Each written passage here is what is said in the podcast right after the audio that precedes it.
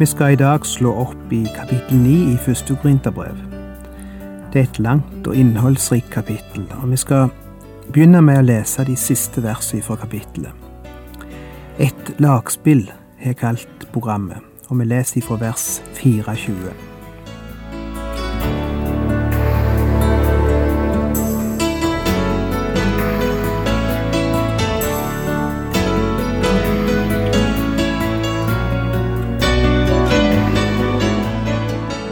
Hjertelig velkommen til et nytt program i serien Vindu mot livet.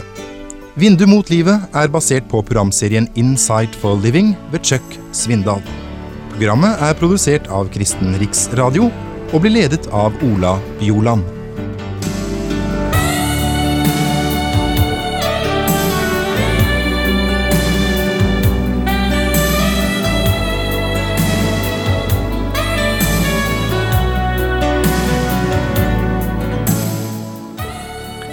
Vet dere ikke at de som er med i et løp på idrettsbanen, de løper alle sammen, men bare én vinner seiersprisen?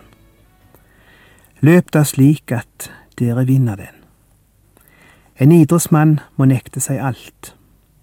Han gjør det for å vinne en krans som visner, vi for å vinne en krans som aldri visner. Jeg løper derfor ikke uten å ha et mål og jeg er ikke lik en bokser som slår i løse luften. Nei, jeg kjemper mot meg selv og tvinger kroppen til å lystre, for at ikke jeg som har forkynt for andre, selv skal bli forkastet.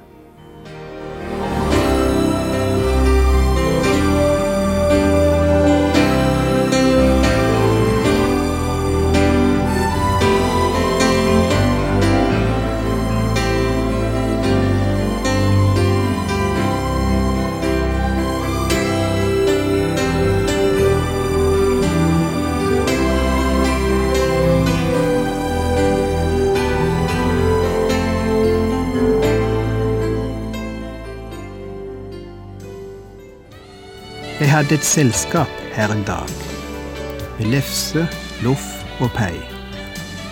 Tre gjester var vi kun i lag.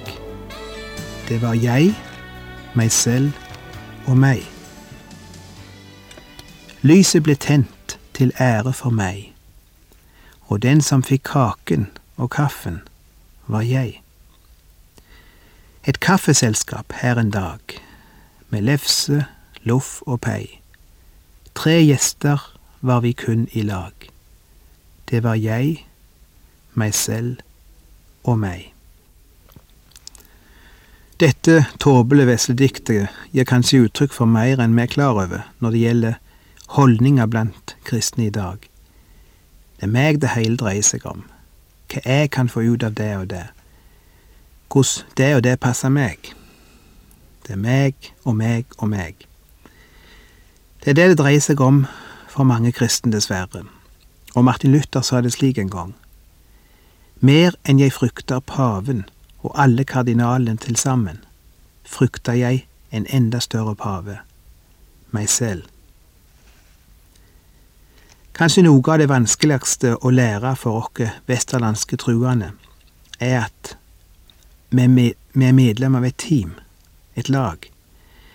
Vi spiller ikke for oss sjøl. I går kveld satt jeg oppe og så på landskamp i fotball mellom Norge og Italia.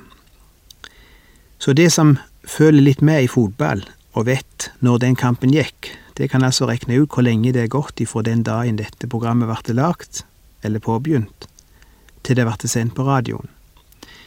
Iallfall, dette var den store kvelden i norsk landslagsfotball. Først vant vårt OL-landslag 6-0 over italienske proffer, og de rundspilte de. Dyre italienske proffer i stjerneklassen ble totalt avkledd av norske amatører. Hvordan kan det skje? Forklaringen som ble gitt av ekspertene var dette var en lagseier. Spillerne jobba for hverandre. Ingen egoisme, ingen tenkte på seg sjøl og prøvde å spille individualistisk. Enhver jobba for laget og for de andre og når elleve spillere jobber 100% for hverandre uten å tenke på seg sjøl, da må det bli seier. Et slikt lag vinner, sjøl om de spiller imot proffer som individuelt sett er mye bedre enn de. Og det samme skjedde seinere på kvelden, da vårt EM-lag slo Italias EM-lag 2-1. Å være kristen er å spille på lag, å være en del av et team. Der er det ikke rom for individualisme, iallfall ikke i egoistisk betydning. Der er det laget en spiller for. En springer og jobber for de andre. En springer sjøl om en ikke alltid får ballen. Så du det på fotballkampen? Au de som ikke hadde ballen, sprang og sprang. De sprang i posisjoner. De sprang for å binde opp motstanderens forsvarsspillere. De sprang for å skaffe rom for de andre på laget, og for å strekke det andre laget ut. Det er klart det er kjekkest å ha ballen. Da jeg spilte fotball i friminutter på skolen, var det én ting de fleste av oss hadde vanskelig for, og det var å gi fra oss ballen. Hadde jeg først fått tak i den, så må ikke tro at jeg så lett ga den fra meg igjen, selv om andre medspillere var i en bedre posisjon enn meg. Jeg hadde lenge nok venta på å få den sjøl, og når jeg først fikk han, så ville jeg beholde han, og skåre sjøl. Vel, det er egentlig dette Paulus skriver om i dette rike kapittelet i første Korinterbrev, kapittel 9. Han taler om å spille på lag, om å være del av et team, om å spille for de andre. Egentlig er det en fortsettelse av kapittel 8 som vi så på sist, for der òg taler Paulus om å oppgi seg sjøl til fordel for andre, at min bror er viktigere enn mine rettigheter. At jeg er villig til å gi avkall på mine rettigheter av og til, eller min individuelle frihet, til fordel for min svake bror. Vet du hva som er målet med en fotballkamp? Det er ikke å få ballen mest mulig sjøl. Det er å vinne. Hvis du kan hjelpe laget til å vinne, da spiller det ikke noen rolle om du ikke er i nærheten av ballen, hadde jeg nesten sagt. For det går an å gjøre masse nytte for seg, òg uten ball. En god fotballspiller er en som har lært å jobbe òg uten ball, kanskje mesteparten av tida uten ball. Samme kvelden, i går kveld altså, før fotballkampen begynte på fjernsynet, talte jeg på et møte som begynte klokka halv åtte. Og det var som et lite forspill, en liten forkamp til fotballkampen. For jeg møtte en liten forsamling som nettopp var et slikt team og det var så godt å være der. Det var så mye omsorg, så mye praktisk kjærlighet. Jeg skal ikke gå i detaljer, men det var så nydelig å se hvordan fellesskapet fungerte, å se alle disse spillerne som jobba for hverandre, som tok seg av hverandre, som tydeligvis var kommet til møte for å hjelpe hverandre, be for hverandre, støtte hverandre, ikke bare for å få noe sjøl. Det er å spille på et team og det syns jeg var så levende for meg, òg åndelig, på denne store fotballkvelden. Vel, det er altså akkurat dette Paulus snakker om i kapittel ni. Og han har så mange mektige tanker og utsagn her at jeg ikke engang skal gi meg inn på å kommentere de i detaljer. Jeg har bare lyst til at vi skal ta oss tid til å lytte til Paulus gjennom hele dette kapitlet høre hva han sier om det å spille for de andre, om å oppgi seg sjøl for å tjene evangeliet. Er jeg ikke fri? Er jeg ikke apostel? Har jeg ikke sett Jesus, vår Herre? Er ikke dere mitt verk i Herren? Om jeg ikke er apostel for andre, er jeg det i alle fall for dere. Ja, dere er seilet på mitt apostelembete i Herren. Dette er nå mitt forsvar mot dem som gjør seg til dommere over meg. Har ikke også vi rett til å få mat og drikke? Har ikke også vi rett til å ha en kristen hustru med oss, slik som de andre apostlene og Herrens brødre og Kefas? Er det bare jeg og Barnabas som ikke har retten til å slippe å arbeide? Paulus refererer her til at de andre apostlene hadde sine koner med seg når de var ute på evangeliseringsreise. Og han sier altså ikke alt dette for å gjøre krav på det samme, men for å vise at han for evangeliets skyld er villig til å ofre noen av sine krav.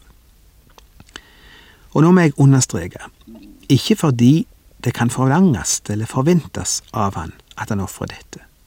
Det er det som er hele poenget her, at Paulus har full rett på disse fordelene, og ingen kan dra i tvil hans rett her. Han har rett på mat og drikke, sier han. Han har rett på de samme fordelene og de samme godene som de andre har som reiser med evangeliet, eller som arbeider i andre yrker i samfunnet. Han har rett på sin lønn, og legg merke til, det var ikke noen luselønn. Det var ei lønn som sto i forhold til den innsats og det ansvar det var å reise med evangeliet. Paulus har rett på ei lønn som han kan leve av, og med det menes det å leve normalt i forhold til det som var behovet på den tida. Nå vet vi at Paulus av helt spesielle grunner avsto ifra sin lønn, ernærte seg som teltmager ved sida av å preike og undervise men det var noe han hadde valgt frivillig. Det var ikke noe andre valgte for han, eller hadde foreslått for han. Det var ikke noe som ble forventa av han. Det var noe han sjøl fant på, og sjøl påla seg, i en heilt spesiell hensikt. Det er det som er poenget hans her. Og jeg blir litt lei av å møte disse holdningene om at en emissær, eller en som er heltidsansatt i Guds rike, liksom skal forventes å ofre alt mulig, ofre sin fritid, ofre ei rimelig lønn, ofre alt som de andre har, fordi en har et spesielt kall, som det heter. Og jeg lurer på hvem som har fått den ideen, at en arbeider i Guds rike skal ha så fryktelig lite lønn at det ikke går an å leve på han. Paulus hadde det, som jeg sa, men han understreker her at det var noe han hadde valgt sjøl og at det ikke var det normale. Jeg er et unntak her, sier han. Og når rike forretningsmenn sitter i et misjonsstyre eller et menighetsråd eller hvor som helst og fastsetter ei lønn for sin pastor eller sine emissærer som er på grensen av det de kan leve av, mens de sjøl tjener tre, fire, fem ganger så mye, da får jeg problem. Av og til får en høre ja, men du har jo et kall i Guds rike, du har en heltidstjeneste, og det betyr et offer. Har du hørt slikt? For det første har ikke hver truende kall om å ofre noe. Har du noen rett til å bestemme at emissæren skal ofre så mye mer enn du sjøl ofrer? Hvor i Bibelen står det at du skal ofre mindre enn han? At du har rett på mer lønn enn han, for eksempel? Og for det andre, det offer som en eventuelt skal gjøre som truende, det skal en gjøre frivillig. Det er ikke andre mennesker som skal pålegge meg, eller bestemme for meg, hva jeg skal ofre for Guds sak. Da ble det ikke noe offer, da ble det tvang. Hele poenget for Paulus her er at det han ofrer for evangeliets skyld, ofrer han frivillig. Det er ingen mennesker som kan pålegge han dette. Han er full rett på lønn, og rett på full lønn, på full diett etter dagens takster og det, og det er det heller ingen som drar i tvil. Men Paulus har altså valgt å ikke ta imot så mye som han egentlig er rett på, og som de andre mottar. Men det er noe han har gjort og valgt frivillig. Det er det ikke et styre som er så det bestemt, hvor mye Paulus skal ofre for evangeliet skyld.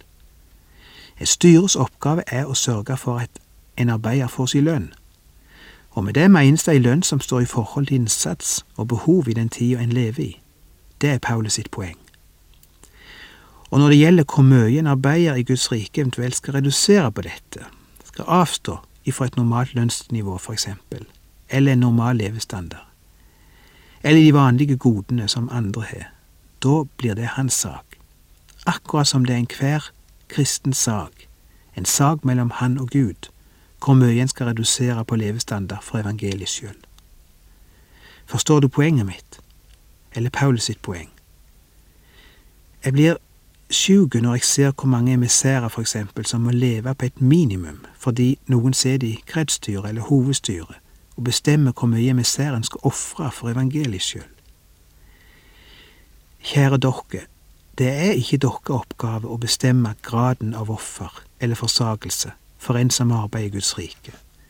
Det er hans egen sak, og det er en sak mellom han og Gud. Jeg er klar over at jeg setter dette på spissen og kanskje overdriver litt. Jeg håper det får tak i poenget. Jeg vil gjerne vi skal bare tenke gjennom dette.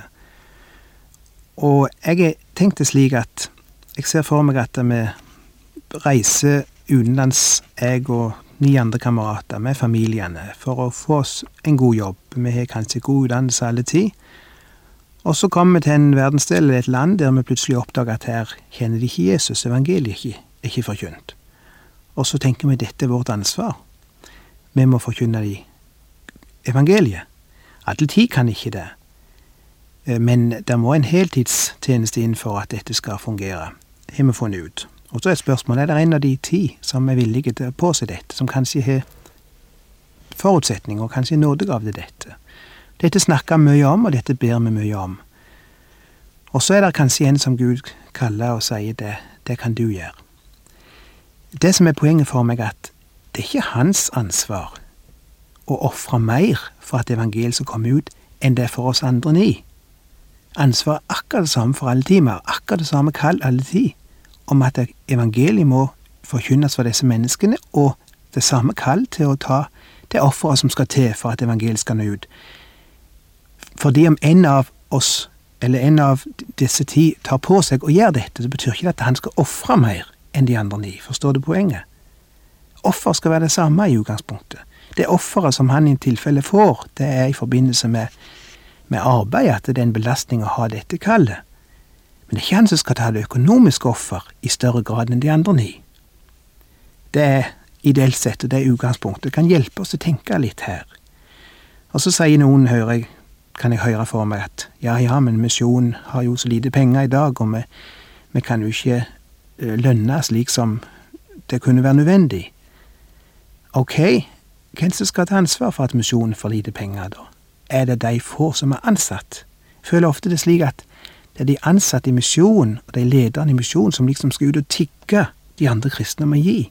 Det er et fullstendig galt utgangspunkt. Det skulle være de andre som tigger disse til å gå inn i heltidstjeneste. Så skal de si vi skal støtte dere, vi skal gi det som skal til, hvis det er villige til å gå. Nå føler jeg at gjerne generalsekretær eller styret eller de ansatte må, må, må ligge og tigge om, om penger til at evangeliet skal nå ut. Det syns jeg ikke er rett. Det er enhver kristens ansvar, og det er enhver kristens offer. Vel, nå har jeg vel kommet aldeles jo på viddene. La dere fortsette med å lese hva Paulus sier om dette, og hva han, om hva han er valgt å ofre for evangeliets skyld. Vi fortsetter fra vers sju. Hvem er soldat på egen lønn? Hvem planter en vingård uten å få spise frukten? Eller hvem er gjeter uten å leve av melken som flokken gir? Sier jeg dette bare ut fra en rent menneskelig tankegang, eller sier ikke loven det samme? I Moseloven står det, du skal ikke ha mulebånd på en okse som tresker. Men er det oksene Gud tenker på? Er ikke dette sagt med tanke på oss? Jo, for vår skyld er dette skrevet. For den som pløyer, og den som tresker, skal gjøre det i håp om å få sin del. Når vi har sådd de åndelige goder blant dere, er det da for mye at vi får høste materielle goder? Og, andre, og når andre har rettigheter hos dere, skulle ikke vi ha det enda mer? Likevel har vi ikke gjort bruk av vår rett, men vi tåler alt for ikke å legge hindringer i veien for Kristi evangelium. Vet dere ikke at de som gjør tjeneste i tempelet, lever av tempelets inntekter, og at de som tjener ved alteret, får sin del av det som ofres. På samme måten har Herren bestemt at de som forkynner evangeliet, skal leve av evangeliet. Men jeg har ikke gjort bruk av disse rettighetene. Jeg skriver heller ikke nå for å gjøre krav på dem. Heller ville jeg dø, for dette er min stolthet, og den skal ingen ta fra meg. Det at jeg forkynner evangeliet, er ikke noe jeg kan rose meg av, for det ligger på meg som en tvang. Ved meg om jeg ikke forkynner evangeliet. Gjorde jeg det frivillig, hadde jeg jo krav på lønn, men jeg gjør det fordi jeg må, og da er det en forvaltningsoppgave som er pålagt meg. Hva er så min lønn?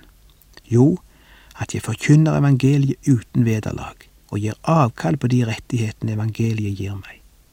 Jeg er fri og ingen underlagt, men jeg har gjort meg til alles tjener for å vinne så mange som mulig. Jeg vet ikke hvor mye det har med saken, men jeg kom på noe som Chuck Swindal fortalte om det å være åpen for andres behov og være disponibel for hverandre. Han sier Den siste uken hadde vært skikkelig tøff for meg. Skikkelig travel og stresset. Fredagen kom, og jeg var så sliten at jeg hadde lyst til å bare legge meg ned da jeg kom hjem.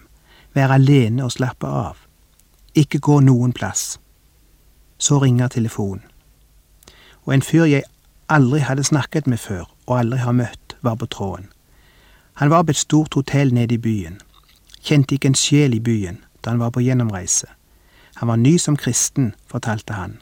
Hadde bare vært troende litt over et år. Han var deprimert, langt nede. En medlem av Guds familie. Han kjente meg ikke personlig. Og det tok ikke lite mot for ham å ringe til meg, men han gjorde det. Og han begynte å fortelle hvordan han hadde det. Han ba meg ikke om å komme, han ville bare ha noen minutter med meg i telefonen. Jeg sa, Hei, hvorfor tar jeg meg ikke like godt en tur ned til deg, så vi kan prate skikkelig, og vi kan ta en kopp kaffe sammen? Han svarte, Vil du virkelig det? Så reiste jeg ned til hotellet, og jeg skal si jeg hadde min livs store kveld. Jeg hadde aldri sett fyren før. Jeg spaserte inn på hotellet, og mer eller mindre tilfeldig hadde jeg i farten tatt med meg et lite hefte da jeg gikk fra kontoret. Et hefte jeg hadde skrevet om bitterhet. Jeg vet ikke hvorfor jeg puttet dette lille heftet i frakkelommen før jeg gikk, men det bare ble slik. Jeg la det ved siden av meg på bordet der vi satt og pratet, og han fikk øye på det, og tårene begynte å renne nedover kinnet hans. Og han la hodet i hendene og begynte å gråte som et barn og han sa, Det er så ufattelig at jeg skulle oppleve at en fremmed kristen bror skulle komme og være sammen med, med meg i kveld, i denne store byen der jeg ikke kjenner noen. Og det var så fantastisk å sitte der også for meg, fortsetter Chuck Swindal. Og der går jeg ut en fredagskveld for å treffe en fyr jeg aldri har truffet før, som ikke engang ba meg om å komme og jeg tar med meg en bok om bitterhet, uten at jeg visste at mannen var bitter. Alt fordi Den hellige ånd hadde ledet meg til å ta del i evangeliet. Leve det, ikke bare preke det. Og hvem er jeg som skulle tenke at min plan, min egen egoistiske timeplan den kvelden, var større enn Guds plan? Og jeg følte meg så rik, og da jeg skulle gå rakte han meg hånden og sa, Mitt liv vil ikke bli det samme etter denne kvelden. Og jeg kjørte hjem, og hør godt etter nå. Ikke en eneste i denne verden hadde det mer travelt enn jeg hadde hatt det denne uken, og ingen var trøttere enn jeg var den kvelden. Og jeg er ikke kjent for å være den som ofrer meg selv, må dere tro. Jeg er stort sett en meget selvisk person. Men Gud startet en ny prosess i mitt liv fra den kvelden, og ga meg et glimt inn i tjenestens rikdom. Hvor fantastisk det er å få spille litt for hverandre på hans lag.